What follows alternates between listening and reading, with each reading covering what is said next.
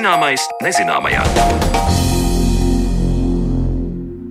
Esiet sveicināti! Šis ir redzējums zināmais nezināmajā, un ar jums kopā turpmāko stundu esmu es Sandra Kropa. Šodien redzējumā mēs vērsīsim skatus debesīs, kuras nu jau diemžēl vairs nav tik ļoti zvaigznēm noklātas kā pirms gadsimta. Mākslīgais apgaismojums sniedz mums komfortu, drošību un iespēju darboties neatkarīgi no diennakts stundas, taču šī planētas izgaismošana nāk ar vienu otru problēmu kopā. Astronomiskos novērojumus veikt kļūst arvien sarežģītāk, bet putniem un citiem dzīviem organismiem novērojams paaugstināts stress gaismas piesārņojuma dēļ. Par to tad vairāk runāsim raidījuma turpinājumā, bet pirms tam iepazīsim kādu aparātu, kas vienlīdz labi kalpojas gan zvaigžņu, gan putnu vērošanā. Latvijas Universitātes muzeja krājumā ir kāds īpašs aparāts, kas bijis noderīgs gan biologiem ornitoloģiskajā stacijā, gan kā neliels planetārijas, ar kuru demonstrēt zvaigznes uz kupolu. Par šo unikālo rīku vairāk Marionas Baltkalns veidotajā sižetā. Vai atceraties, kad pēdējo reizi aplūkojāt debesjumu tikai telpās? Šādu iespēju, kad uz kupolveida griestiem vērojat zvaigznes debesīs, un varbūt ik pa laikam gar jūsu acīm aizslīd arī kāda komēta, ļauj radīt planetārijas. Daudzi atminēsies, ka Latvijā tāds ilgus gadus darbojies pašreizējā pareizticīgo katedrālē Esplanādē Rīgā, bet izrādās, ka planetārija aparātus iespējams izmantot ne tikai zvaigžņotas debesis demonstrēšanai. Karla Ceisa uzņēmumā Vācijā radītais Ceisa planetārija aparāts, jeb mazais Ceis, savulaik nonācis Latvijā, tas izmantots putnu pētījumiem, bet šobrīd atrodas Latvijas Universitātes muzejā. Pēc kāda principa darbojas planetārija, tostarp mazais ceļš, kura galva atgādina lodi ar daudziem ragiem, Par to sarunājos ar Latvijas Universitātes astronomijas institūta pētnieku un Latvijas Universitātes muzeja ekspertu Ilgoni Vilku. Mēs tiekamies Latvijas Universitātes muzeja astronomijas ekspozīcijas telpās, kur Ilgonis Vilks iesākumā stāsta par to, cik nozīmīgs bijis Ceisa uzņēmums. Kaut vai, piemēram, Karls Cēs firmā tapa Latvijā lielākais uh, optiskais teleskops, kurš šobrīd darbojas Baldonē. Bet runājot par planetāriem, tieši šogad nav pret simts gadi, kopš ir sācis darboties pirmais planetārija projekcijas aparāts. Pirms tam ar planetāriju saprata tādu kā Saules sistēmas modeli, kur vidū ir Saule, apkārt griežas planētas. Bet um, Vācu muzeja direktors 1913. gadā devās uz šo ceļu uzņēmumu ar lūgumu, ka viņš gribētu savā muzejā Minhenē ierīkot nu, tādu projekciju, kur cilvēkiem var parādīt zvaigznes. Un tad uzņēmuma inženieri strādāja, un pagāja desmit gadi, nu jau bija arī Pirmā pasaules kara laiks pa vidu, uh, un 1923. gadā uz rūpnīcas jumta Jēnā jau bija kupols, kurā bija uzstādīts pirmais projektors, un notika, nu, tā sakot, tehniskie seansi, kur varēja parādīt šīs zvaigznes uz kupola. Tas bija tiešām tāds liels sasniegums, jauninājums. Un nākamajā gadā jau Vācu muzejā Minhenē arī publikai planetārijas bija atvērts. Kopš tā laika planetārija pasaulē nu, ir fantastiski attīstījušies. Mūsdienās tie visbiežāk ir elektroniski, pavisam būtībā nelieli aparāti, bet ar lielu lēsu, kas projicē visu uz kupolu un visus attēlus ģenerē dators. Bet eh, pirmie planetāri bija optiski mehāniski. Tas nozīmē, ka bija mehāniskās daļas, kas griezās, lai parādītu debesu kustību, lai parādītu dažādu atsevišķu objektu kustību, kas kustas attiecībā pret zvaigznēm. Saule, mēnesis, komētas, planētas. Un Kā viņš darbojās, tā ideja ir būtībā ļoti vienkārša. Tāpat kā mēs varam kaut ko projicēt caur lēcu uz ekrāna, kā tas ir. Rādot prezentācijas? Jā, jā tā kā tas ir datorprojektorā, tikai šajā gadījumā tur tās elektroniskās bildītas iekšā vietā ir spulce, kas apgaismo metāla plāksnīti, kurai ir saurabti daudz maz caurumiņu, kas atbilst zvaigžņu izvietojumam. Un tad caur lēcu tas tiek parādīts uz kupola. Tātad vajag spožu lampu, vajag precīzi šādu plāksnītes zvaigžņu caurumiņiem un uh, baltu kupolu. Plantārijas darbojās.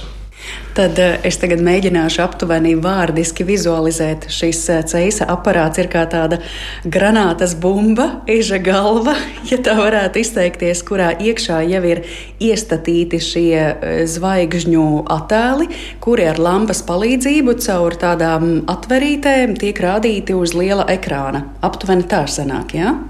Jā, un katrā atverītē ir lēca, lai uh, tur precīzā attālumā, šajā gadījumā mūsu mazajiem plantāriem tas būtu 3 metri attālumā, tātad kupola diametrs 6 metri, uh, varētu šīs zvaigznes uh, parādīt.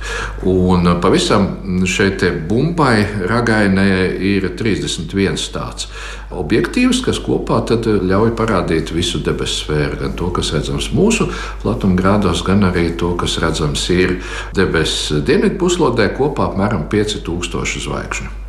Pēc jūsu paša vērojumiem, kas ir tas, ko vislabāk var demonstrēt tieši ar šādu aparātu, ko ikdienā cilvēki ļoti vēlētos redzēt, tas nesanāk, bet lūk, šāds planetārija aparāts to ļauj ieraudzīt. Nu, man uzreiz jāteic, ka šis eh, konkrētais planetārija aparāts, kas atrodas pie mums muzejā, patreiz nav lietojams eh, zvaigžņu demonstrēšanai. Bet es pats atceros to spēcīgo iespēju, kāds bija no lielā planetārija, kas atradās Pareizticīgo katedrālē, lielā planetārija, kur tas planetārijas darbojās ilgstoši no 1964. līdz 1992. gadam. Tur, tur laikam, tas galvenais efekts tomēr ir tā fantastiskā zvaigžņu aina kad uzreiz tāds milzīgs daudzums zvaigžņu te apņem tevi apkārt, un tad tas viss griežas, un lektors stāsta un rāda un pievērš uzmanību atsevišķiem objektiem. Pēkšņi tur parādās kāda komēta, kas iet pāri pa debesīm vai aizlido krītošā zvaigzne.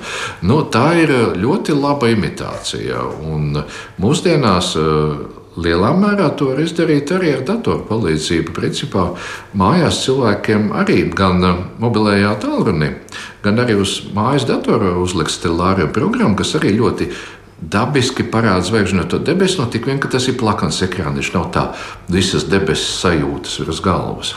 Jūs atgādinājāt šos pareizticīgās baznīcas laikus, kad uh, savulaik arī tur bija slavenais planetārijas, tad tur viss arī darbojās pēc līdzīga principa. Ja? Bija arī šāds aparāts ar tādu ežveidīgu galvu, ar kura palīdzību tika panākta iespēja ieraudzīt zvaigžņu sfēru.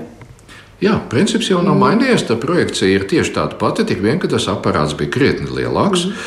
un viņš jau varēja parādīt zvaigznes uz kupolu, kur diametrs bija, man liekas, 14 metri. Tad tā bija milzīga zāle, kurā vieta ir vairākiem simtiem apmeklētāju. Un šādi planētāri mūsdienās varbūt vairāk šī elektronisko projekcija darbojās daudz vietā pasaulē. Mm, mums tāds tuvākais lielais planētārijs tad ir Tartu pilsētā šobrīd. Bet tās komētas skrienošās, ko jūs minējāt, nu, tas ir jāņem vērā, ka tas arī ir iestatījums, vai ne? Tas nenotiek reālajā laikā. E, jā, bez šaubām, jo, piemēram, ko te komētas kustība ir gana lēna, vairāk mēnešu garumā pāri debesīm, planetārē to parāda nu, tā žviks un aiziet. Mm. Sakiet, vai ir zināms mazā ceisa nonākšanas stāsts Latvijā un arī Latvijas Universitātes muzejā? Nu, eh, stāsts ir interesants. Es esmu izpētījis, ka vispār šos aparātus sāka ražot ap 1952. un 1954. gadu eh, šajā ceļa firmā tieši Austrumvācijas daļā, Jēnā. Un, um, Saražot ir vairāk simt eksemplāri. Kā tieši šis konkrētais aparāts ir nonācis Latvijas Zinātņu akadēmijas bioloģijas institūta rīcībā, man ziņu nav. Bet kas tad notika tālāk? Tad te jāsāk ir stāsts par biologiem. Proti, ka Latvijā 20. gadsimta 60. gados izveidojās putnu orientācijas pētnieku grupa. Un tajā laikā ļoti aktuāls bija šīs hipotēzes par to, ka vajag pārliecināties, pēc kā putni orientēs, un vai tā skaitā viņi orientēs arī pēc zvaigznēm. Un šajā pētnieku grupā ornitologi darbojās tādi bija trīs. Tas bija Varis Liepa, Ieva Vilka un Jefims Kats. Un bija arī vairāk tehniskie darbinieki, kas eh, viņam eh, palīdzēja to izdarīt. Un tas notika ornitoloģijas stācijā, kas netālu no Tukuma, pie Raudas, saucās Kalnāju bāze.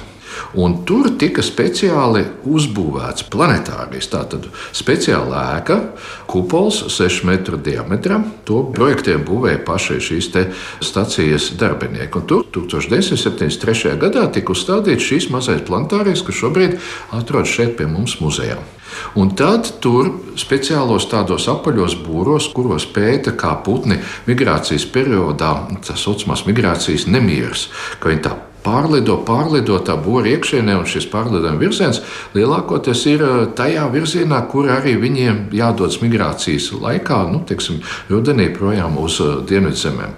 Un eh, pētījumiem tika izmantotas sarkanrīklītes, tāds mazs putniņš, vairāk nesarkan, drīzāk tāda kā oranža pakrūte. Pētījumi bija diezgan ilgstoši, turpinājās 25 gadus, un tika iegūti arī vērā ņemami rezultāti.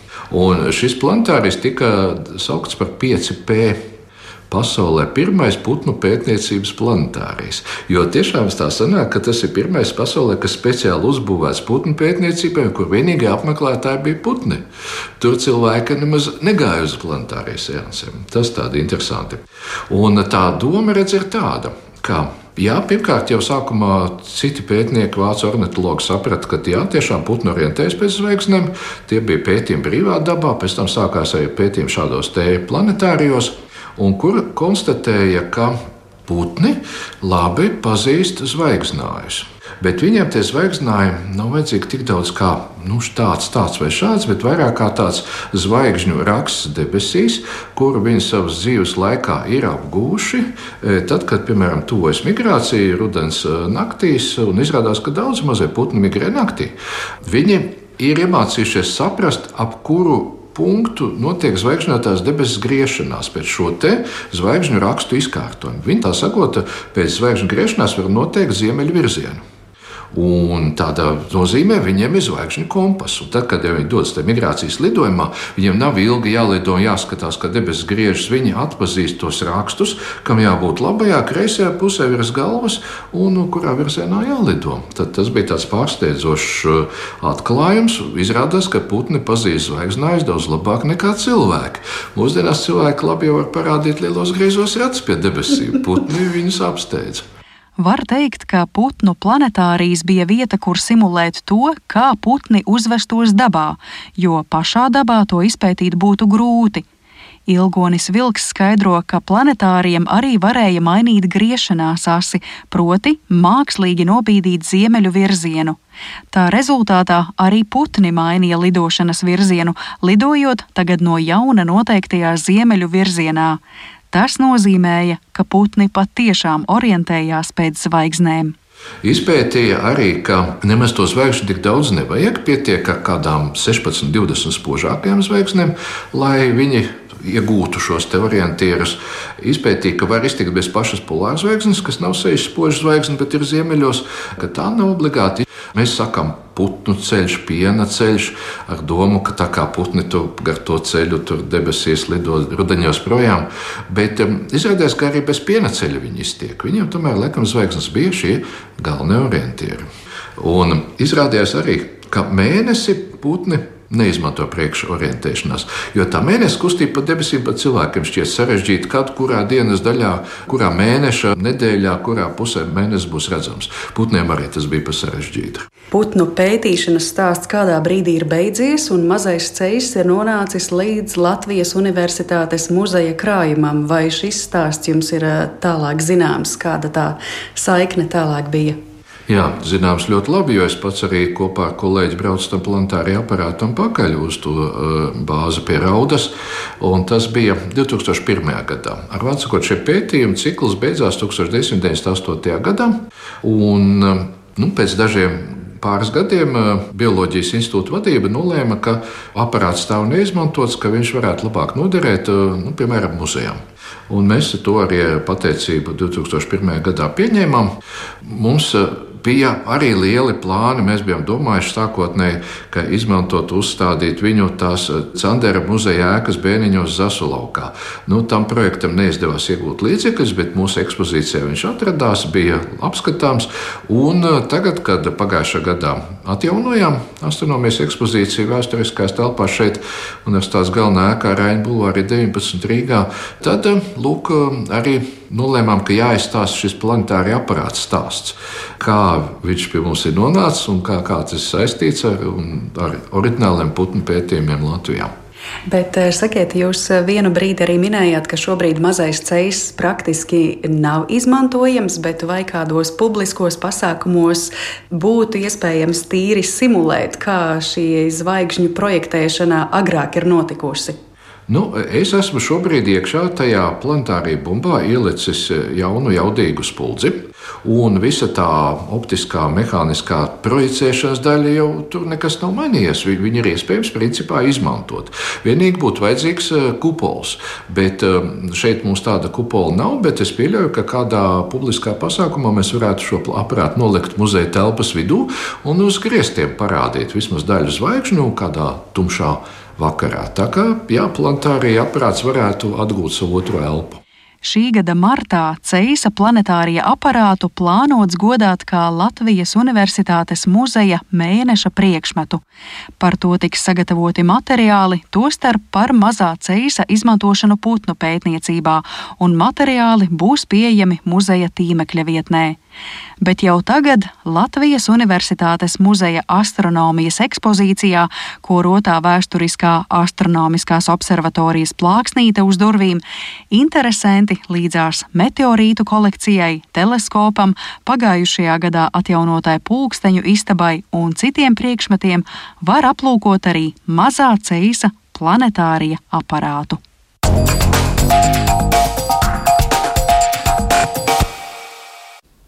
Paldies Marionai Baltkalnei par sagatavoto stāstu, bet turpmākajās minūtēs pievēršamies kādai problēmai, kas kopīgi gan putniem, gan astronomiem.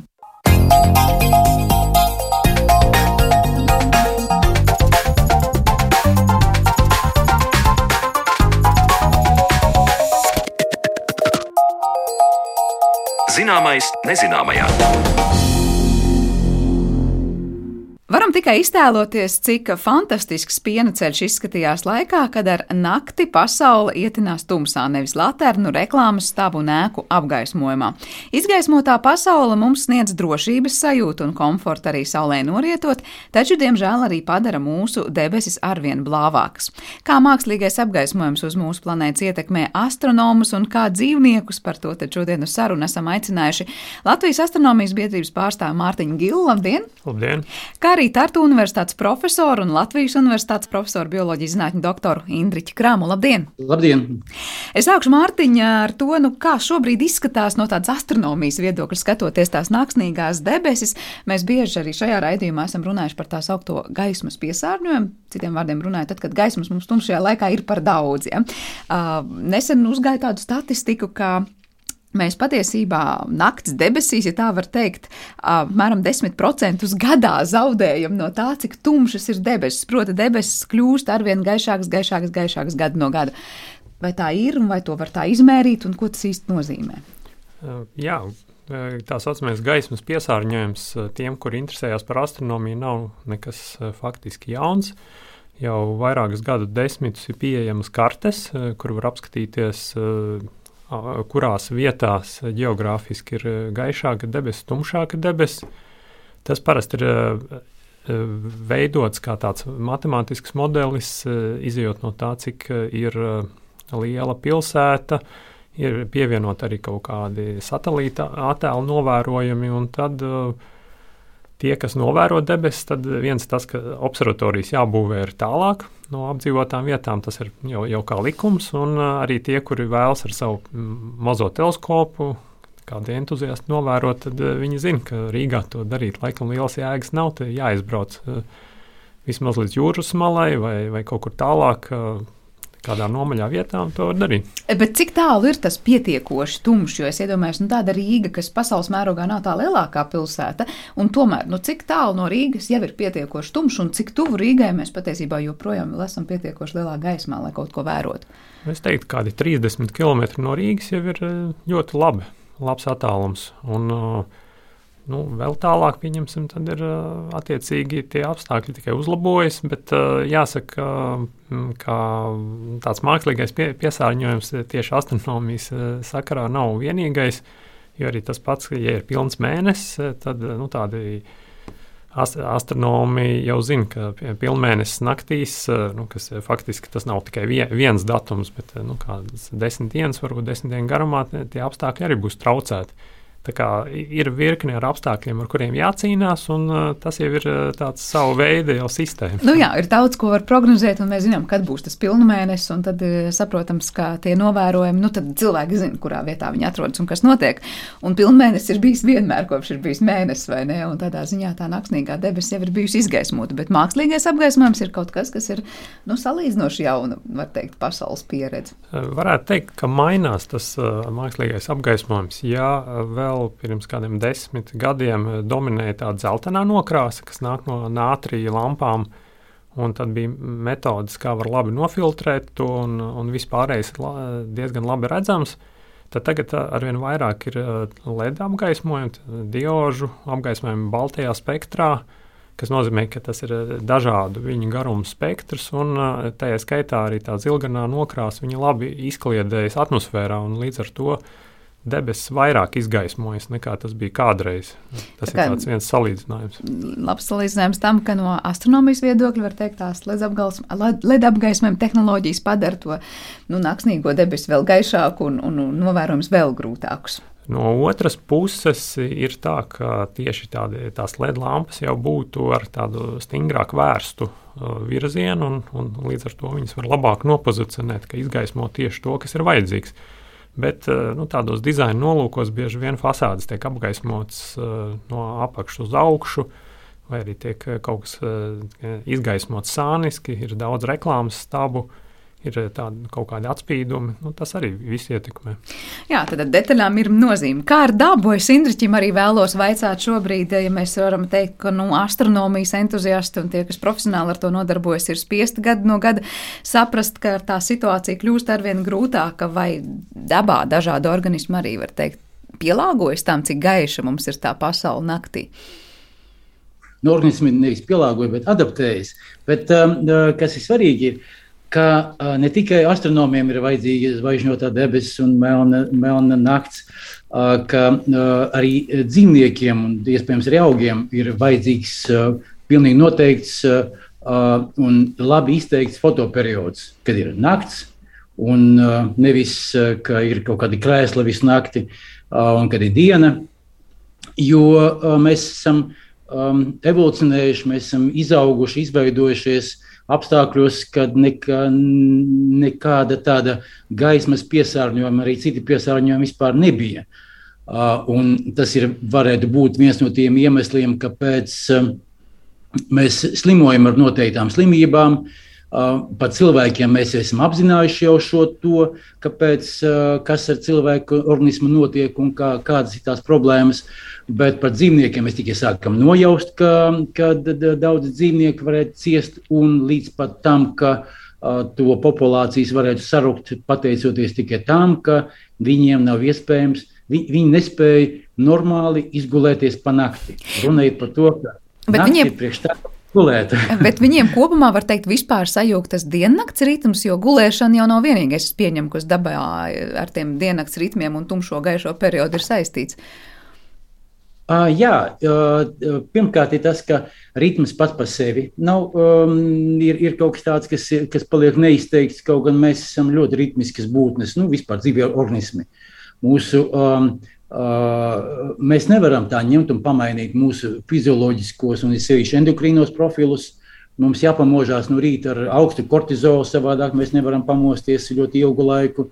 Mums pa nakti jāizstrādājas melatonīnam. Melatonīna sintēzē ir ļoti svarīga nozīme, kurā ir iesaistīta triptofāns, serotonīns un, un viss kaut kas cits. Un, ja mēs nedabūjam gulēt, un nedabūjam uh, gulēt īstajā brīdī, un, ne, un gulēšana nenotiek ar tādā reāli tumšos apstākļos, visu laiku ir kaut kāda automašīnu gaismas, ir visu laiku kaut kāda reklāma uh, pieminēto stabu gaismas, tad īstenībā tas nepie kā laba nenoved. Un tas attiecībā uz cilvēku, bet mēs arī labi sākam nojaust, ka Tieši tas pats attiecās arī uz citiem organismiem, putniem tā skaitā. Tieši par tiem citiem organismiem es gribēju vaicāt plašāk, jo no vienas puses, protams, ka cilvēkam ir tā iespēja varbūt nu, iekārtot to savu mājokli tā, ja nu pavisam ir blakus kāda ļoti apgaismota iela vai reklāmas taps, nu arī aizskaru tehnoloģijas, vis visādas, ka nu, gaisma necaurlaidīga un vēl visādi, bet putni un citi dzīvnieki nu, nevarēs laikam tā vienkārši noslēpties no tās gaismas, kas ir ārā. Kas ir zināms par to, kā tas ietekmē dažādas dzīvnieku sugas un, un ko tad tie dzīvnieki dara, lai kaut kādā veidā piemērotos vai adaptētos, kā jūs teicāt? Redziet, kāda lieta ir tā, ka, mm, ka cilvēki arī nav tik vienkārši, ka viņš var iekārtot savu mājokli. Tad cilvēkiem ir tā, ka mm, tad, pasaule, kurā mēs esam radušies, tad iestājas tumsa un mēs ejam gulēt. Un tā vietā, lai ietu gulēt, Mēs paņemam, skatāmies televizoru, varam vaļā savus computerus, varam skatāmies mm, telefonos, un mēs arī neglābjamies. Mēs īstenībā mēs to nakti samaitājam, un kas attiecās uz, uz dzīviem organismiem, kas, ir, kas nav tikai cilvēki.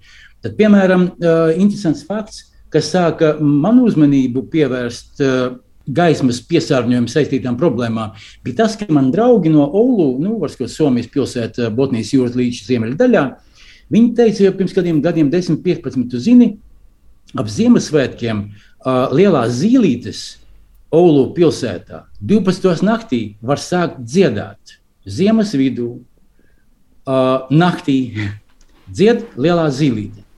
Un tad man pēc kāda laiciņa bija iespējas pašam to novērot, dzirdēt, redzēt. Būtībā kaut kas tāds var sākt notikt, ir, ir novērots arī Rīgā. Un mums ir liels aizdoms, ka tas ir saistīts nevis vienkārši tāpēc, ka tur kaut kas tur nezinu kas, kaut kas tā vieglītiņām, bet tās ir reāli, tās ir problēmas, kas saistītas ar nervu sistēmas iekaisumiem. Proti, tā nav tā ir zīlītes izvēle, tā ir nervu sistēmas reakcija. Tas ir tieši tas pats, kas notiek ar cilvēku, kad viņš nevar izgulēties. Viņa lielākais draugs būs bipolārie traucējumi. Nu, jā, tā mēs nonākam pie tiem arī nu, tām sekām, ar ko sadzīvo cilvēki tajā brīdī, kad jūs jau minējāt dažādas mentālās, arī, veselības problēmas, kas rodas. Vēl nu, nedaudz jums pavaicāšu par to pilnmēnesi ietekmi un daudz ko citu arī uz dzīviem organismiem, bet Mārtiņ, vai ir vēl kaut kas, ko nu, piebilst no tādas astronomijas puses par to, kā cilvēki, astronomi mēģina pielāgoties tiem apstākļiem, izņemot to, ka nu, ceļam tās observatorijas kaut kur krietni tālāk, es nezinu, tūkstnešos un augstu kalnos. Nu, varētu teikt, ka tas ir uh, galvenais, uh, uh, ko dara astronomi. Nu, vēl jāpiebilst tas, ka astronomiem traucē pie debesis arī citi objekti. Ne, ne tikai debesis vispārējais izgaismojums, bet arī tas, ka šobrīd ir diezgan daudz zemes orbītas pavadoņu, kas ir nelieli, bet katrs no tiem ar savu kaut kādu spožu pēdu pārvietojas krustu šķērs. Un, un tad, ja astronomi vēlas uh, rūpīgi novērot kādu debesu apgabalu, tad uh, pie tādas ilgākas ekspozīcijas tas būs uh, ar švīkām sašvīkots krustu šķērs. Tāpēc tagad ir attīstās tādas metodes, lai varētu veikt kadru sērijas un izņemt ārā tos sliktos kadrus, kur ir sašvīkots tas attēls. Bet, Astronomi ir arī satraukušies, ka tagad ir plāni nu, laist orbītā tādus pavisam lielus e, sakaru pavadoņus, kas būs e, nu, tādas tā lielas izvērstas buras, kas nu, burtiski būs kā tādas spožākās zvaigznes, kas nevis tā nemanāmi kaut ko var sabojāt, bet nu, tā diezgan krietni atstāt iespaidu uz astronomiskiem novērojumiem. Tad tā problēma ir ne tikai tas, kādu piesārņojumu ar gaismu mēs redzam uz Zemes un izgaismojam debesis, bet pašās debesīs. Ja? Šobrīd spožo objektu mākslīgi radīto kļūst par daudz. Jā, jo pie, piemēram šobrīd tie paši Starlink pavadoņi, kas tie, tiek intensīvi laisti augšā, to apjoms tagad jau pārsniedz iepriekš summāri palaisto līdzīga veida pavadoņu skaitu. Un, un tas tikai sākums. Ir plāni par vēl gan lielākiem pavadoņiem, gan lielāku skaitu pavadoņu. Plāni nozīmē tas, ka tas ir tāds vienvirziena uzņemts ceļš, kas nemainīsies, vai tur vēl ir iespējams diskusijas un tas, ka mēs varbūt iesim pretējā virzienā. Tā, to man ir grūti komentēt, bet tas virziens, ka ir vēlme pēc globālām komunikācijām ikvienam, tā, to mēs redzam. To jā. mēs, protams, arī varam prognozēt, ka nekas īpaši daudz tajā laikam nemainīsies. Indriķi, man jautājums par to, kā šīs izgaismotās debesis vai tās arī ietekmē dzīvniekus. Es iedomājos par navigāciju, nu labi, tur mēnesis un daudz kas cits. Dzīvnieku pasaulē maina to, ko redz dzīvnieki un kāda ir tā nakts pasaule un nakts debesis, ar ko varbūt dažas sugas ir rēķinājušies nu, tūkstošiem gadu ilgi un tagad pēkšņi pārāk spožas pašas debesis, kā tikko Mārtiņš teica, jo tur pašu objektu ir daudz vairāk. Jā, pilnīgi pareizi. Tas ir atgriežamies pie tēmas, ka ne tikai astronomiem ir vajadzīgas um, dabiskas debesis, kuras um, ne tikai novērot, bet arī pētīt um, dzīvnieki, kas migrē. Tie pilnīgi noteikti, kā mēs zinām, ka tie orientējas pēc dažādiem debesu spīdekļiem, gan pēc saules dienā, uh, un rītos un vakaros, gan uh, sevi naktīs pēc zvaigznēm. Un, ja uh, tās zvaigznes ir sliktāk redzamas, nu, tad, kad, protams, putnam jāpaceļās viens mākoņiem, lai zvaigznes ieraudzītu, un ir kaut kāda apstākļa, protams, ka tie mākoņi segi ir bieza, bieza, tad jau uh, viņam ir grūtāk um, orientēties, bet uh, sit, ir situācijas, kad uh, viņam jālido pāri pie tādai dievas vētītai zemē kā Beļģija, kas iz, izgaismota pilnīgi visa, manuprāt, nav tur ieliņa, kas nebūtu izgaismota. Labi, ka, un, un, protams, arī Vācija Uh, un putnam ir ārkārtīgi grūti norientēties. Uh, kādas tas rada sekas, mēs īsti nezinām, bet kopumā, protams, uh, putniem aizvien būt putnam ir kļūst aizvien grūtāk un grūtāk. Un viens no tiem iemesliem, protams, ir tas bīstamais periods, kad, kad putni ceļo, ka putni pārvietojas, ka viņi migrē, un to dara pārsvarā lielākā daļa putni, pār, um, kā, kā, kā jūs zināt, un kā mēs vispār principā zinām, migrē naktīs. Ne tik daudz pa dienu, bet tieši naktīs. Un tad, kad tu neredzi debesis, bet redzi tikai to, ka apakšā ir viena uh, uguņu jūra, loģiski, ka putniņam būs daudz grūtāk izvēlēties ceļu. Bet ir kādas putnu sugas, kuras jūs minējat, kas visizteiktāk varbūt būtu kā tādi vēstneši šai problēmai? Kas jūs vairāk uh, ir? Tas uh, um, neminēšu, varbūt sugas, tās pārsvarā kaut kāds virbuļveidīga putni, kas uh, ļoti lielā mērā uh, nositās pret televīziju torņiem. Viena no problēmām ir tāda, ka uh, putni sāk iespējams lidot pārāk zemu. Parasti putniem tomēr jāatcerās, ka es pieminēju virs mākoņiem reizēm, ka viņi tomēr lido kaut kādā līdz 2 km augstumam, nu, tur 600 metri, 2 km. Bet ir aizdomas, ka putni uh, stipri apgaismotās vietās nu, viņas iespējams piesaista uz zemes esošie uguņi, viņi sāk lidot pārāk zemu. Tāpēc kaut kādi lieli televīzijas torņi, uh, Kanādā, Amerikā pie tiem um, salās aizvien vairāk un vairāk beigtu putnu tieši pa naktīm, un tos torņus sāk izgaismot, maksimāli izgaismot, tikai tāpēc, vien, lai nesistos putni. Tad no vienas puses speciāli rāda šo arī apgaismojumu. Jā. Uh, Indriķis tikko minēja Beļģiju, Vāciju kā tādus piemērus, kurus grūti atrast neizgaismot ielu, uh, vai tā skatoties no augšas. Es nezinu, satelīta attēlu droši vien būs pirmie, kas nāk prātā. Mēs varam pateikt, kuras ir tās nu, topa vietas pasaulē, kur tas gaismas daudzums ir krietni par daudz. Mm, jā, jāsaka, ka tieši skats uz Eiropu ļoti labi parāda, kur ir tas industriāli attīstītākais nu, tā, tās vietas, pilsētas. Un, un tiešām Beļģija, Nīderlande, liela daļa Vācijas nu, faktiski visa Rietuma Eiropa ir intensīvi izgaismota, un salīdzinājumā ar tām valstīm Latvija ir samērā tumša. Tā, tā to varētu teikt. Protams, te varbūt izņēmums Rīga un, un dažas lielās pilsētas. Bet uh, tur ir tā problēma, ka lielā daļā šo valstu nu, daudz ir uzauguši un reizi nav nemaz savām acīm redzējuši piena ceļu. Man liekas, ka uh, tas pienceļš liekas tāds pas, pašsaprotama lieta, nu, ka, tās, ka tas ir nevis kaut kas mistisks pie debesīm, vai nu, tikai tāds izteiciens, bet tiešām tā, tā jūra ar daudz, daudz zvaigznēm. Tad nu, daudziem tas ir gājis secen. Nu, nav, nav bijusi tā iespēja ikdienā to pieredzēt. Latvijā arī varbūt ir diezgan daudz cilvēku, kuri tam nepievērš uzmanību, auguši un, un darbojās par Rīgu, bet nu, izbraucot tikai ārpus, pēkšņi pamana, ka tiešām pie debesīm ir tūkstošiem zvaigžņu. Jā, tad, tad Eiropa noteikti arī, nu, es pieņemu, ka pasaules mērogā mēs runājam arī par lielām pilsētām, Amerikā, Āzijā, kas būtu tās topa vietas, kas mums ir izteikti izgaismos. Vai varam teikt, tā ir tāda ziemeļu puslodes problēma? Nē, tas ir visā pasaulē. Faktiski visur, kur ir industriāli attīstītas vietas, tur ir uh, arī labi izgaismotas, kas ir varbūt ērti ikdienai, bet uh, nu, tā dara savu to postu debesu vērošanai. Uh, Jā. Vai mēs te runājam par to gaismas daudzumu, kas rodas nu, piemēram no iedegtas laternas, kas ir gaisma, tāpēc, lai mums nav pa tumšām ielām jāpārvietojas, un mēs atceramies, ka sākoties rudenim daudzas pašvaldības tur bija ļoti sašutušas par to iedzīvotāju, ka ir pārāk tumšs, jo redzi, ir pārāk nedroši uzreiz vai kā citādi. Uz svētkiem mēs zinām, ka ir šīs svētku dekorācijas. Tas, ko mēs varam redzēt, piemēram, Latvijā šeit uz vietas ap visām svētku izgaismojumu, dekorācijām un ielu apgaismojumu un tām reklāmas, mm, jā, reklāmas tiem mm, stendiem, kas ir pie mums, tas skaitās pietiekoši, jā, lai mēs teiktu, to varētu redzēt arī no kosmosa stācijas, un tas būtu nu, tāds jau par daudz. Vai te mēs runājam par tādu izteiktu, nu, nezinu, Ņujorkas centru, kas vienkārši zib tajos uguņos? Jā, ik, ik viena gaisma dod kaut kādu nelielu pienesumu. Uh, diezgan spēcīgi izceļas nu, tāda tā kā ostas rajona, kur ir kārtīgi tiek apgaismots nu, gan kaut kāda kuģa iekraušanas vietas vai kaut kādi būvobjekti. Citreiz tiek kārtīgi izgaismoti, ko var no augšas uzreiz var labi redzēt. Bet, uh, kopumā jau viss sasumējas, kā ir izgaismot ceļi, ēkas un, un cit, citas lietas. Tā kā nav pamata teikt, ka nu, tā ir problēma vairāk citur, lai arī mēs Latvijā uz citu fonu izskatāmies diezgan tumši. Indriģi Virgas piebilstams pie šī vai arī komentārs par to, cik ātrā laikā daba spēja pieņemt to situāciju, kurā nu, tagad nākas dzīvot jaunos apstākļus, vai mēs te varam teikt, ka tā pa īstam, piemēram, piesauktie putni nepielāgosies nekad? Vai tas jau tomēr notiek, un, piemēram, tas pats migrācijas ceļš, nu, varbūt tomēr nelidos zemāk, saprotot, ka ir jālido augstāk, un tad tās briesmas būtu mazāk.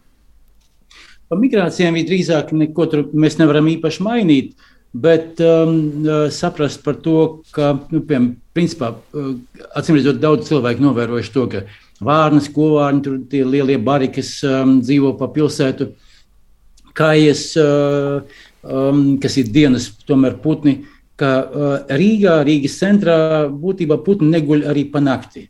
Uh, cik lielā mērā šo putnu veselība ir ietekmēta, uh, cik lielā mērā viņu vairošanās potenciāls ietekmēts, mēs pat vēl nenojaušam. Es domāju, ka tā ir kaut kāda met metabolisma traucējumi, nervu sistēmas iekaisumi. Tā ir lieta, kas, ko mēs tikai tagad sāksim pētīt īstenībā. Tā ir pilnīgi jauna tēma, un šajā, tāpēc man tik ļoti interesē piekrist, piedalīties jūsu raidījumā par gaismas piesārņojumu. Tā ir jauna tēma. Tā ir jauna tēma, bet es saprotu par to diezgan sen jau pasaulē. Ja, Mārtiņ, kā nu, vismaz astronomijas mm. pasaulē. Jā, astronomijas vidū jau vismaz gadus 20 ir zināma tāda organizācija kā Tumšās debesis asociācija, kas nāk no Amerikas Savienotām valstīm, bet tur arī nu, tādi pārstāvji un vēstneši visā pasaulē, kas cenšas apzināt gan problēmas, kas izraisa piegaisa to, to piesārņojumu debesis, gan arī veido kādus ieteikumus, pieņemsim, kā nedaudz pamainot varbūt kaut kādu apgaismojumu lampu dizainu, var samazināt šo lieko starojumu augšup un arī rosinot, varbūt veidot tādas gudrās, ja viedās gaismas, kas varbūt ieslēdzas tikai tad, ja kāds pieņems pa to ielu reāli pārvietojas, bet pārējā laikā viņi ir tādā pustumsā. Tur varianti ir dažādi.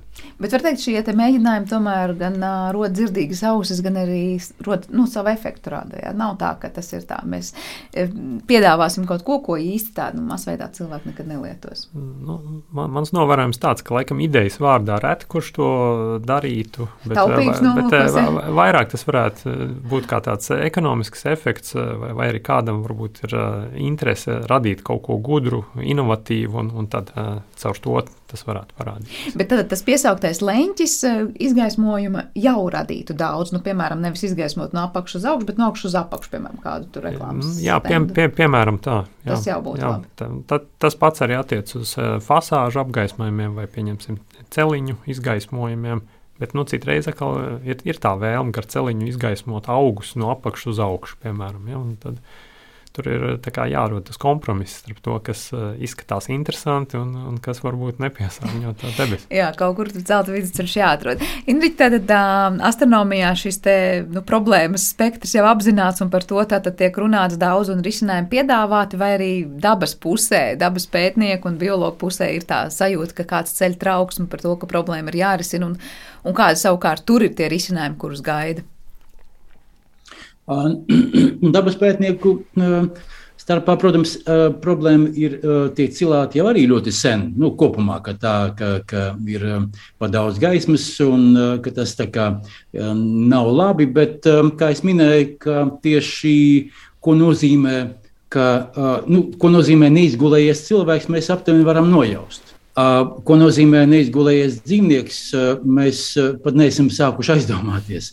Bet uh, fakt, fakts ir tāds, ka, um, ka daudz dzīvnieki bez kaut kāda liela mm, nu, iemesla, um, nu, viņu skaits sāk samazināties. Mēs nekādā veidā viņus paglābt nevaram. Nu, es tā vispārēji runāju šobrīd.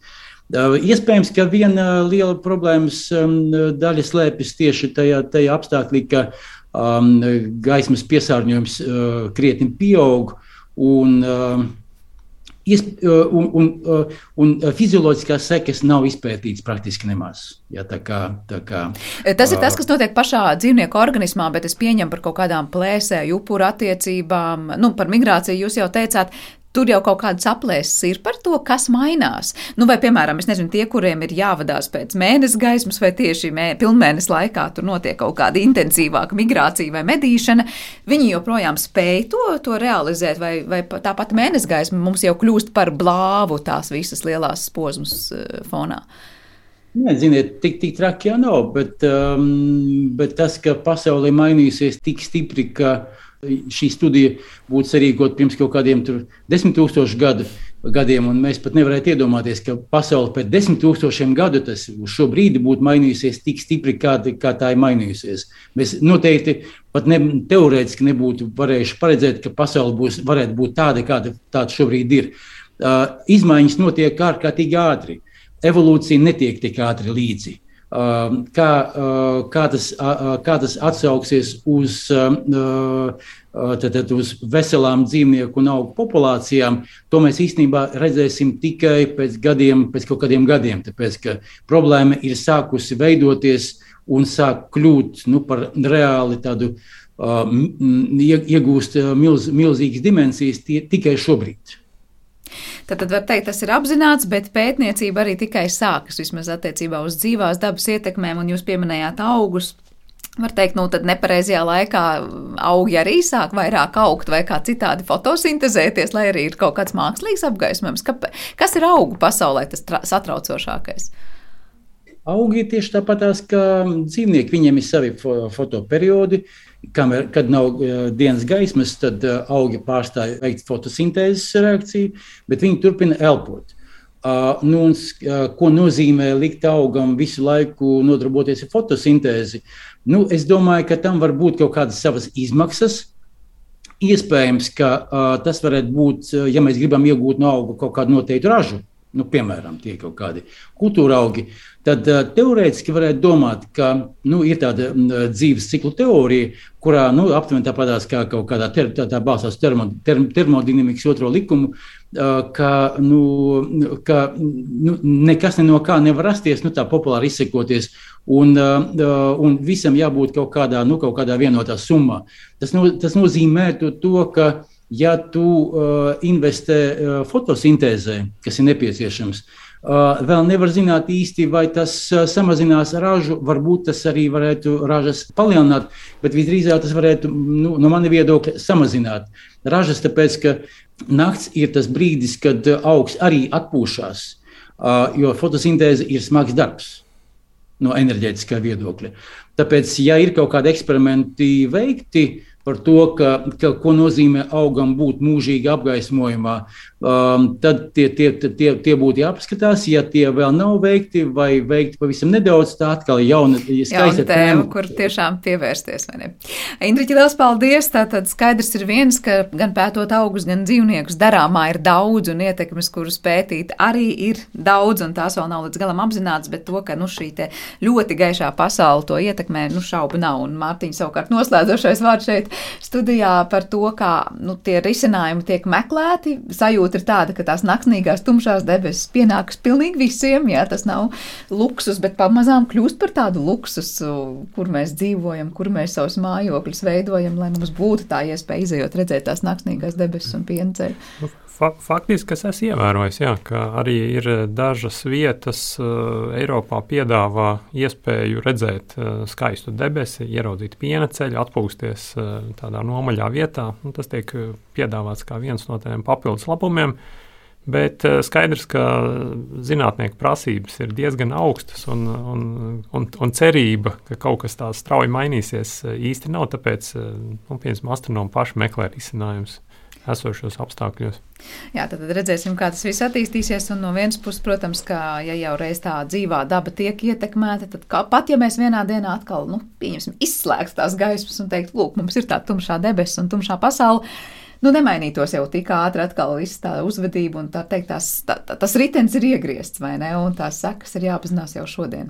Mm, jā, jo, protams, ka ikdienai ir savas priekšrocības, ja ir apgaismotas ielas un ēkas. Tā kā Tur ir jāskatās, ka, kā, kāda ir iegūma un zaudējuma. Jā, to arī cerams, ka visi kopā skatīsimies gan individuāli ar savām izvēlēm, gan pašvaldību un valstu un reģionu līmenī, or, organizējot to, cik ļoti mēs ierobežojam to, ar ko un kā izgaismojam un kā te pārliecinājamies, tad ideja patiesībā ir daudz un tās arī var tikt izmantotas. Paldies jums abiem par sarunu. Atgādināšu, ka šajā redzījuma pusstundā mēs bijām kopā ar Tartu Universitātes profesoru un Latvijas Universitātes asociēto profesoru bioloģijas zinātņu doktoru Indriķu Kramu, kā arī Latvijas astronomijas biedrības pārstāvu Mārtiņu Gilu. Ar to arī raidījums ir noslēdzies. To producēja Paula Gulbinska, par mūziku gādāja Girs Bišs. Skaņu režijā bija Normīts Papa, bet ar jums kopā šeit studijā es Sandra Kropa. Uz tikšanos!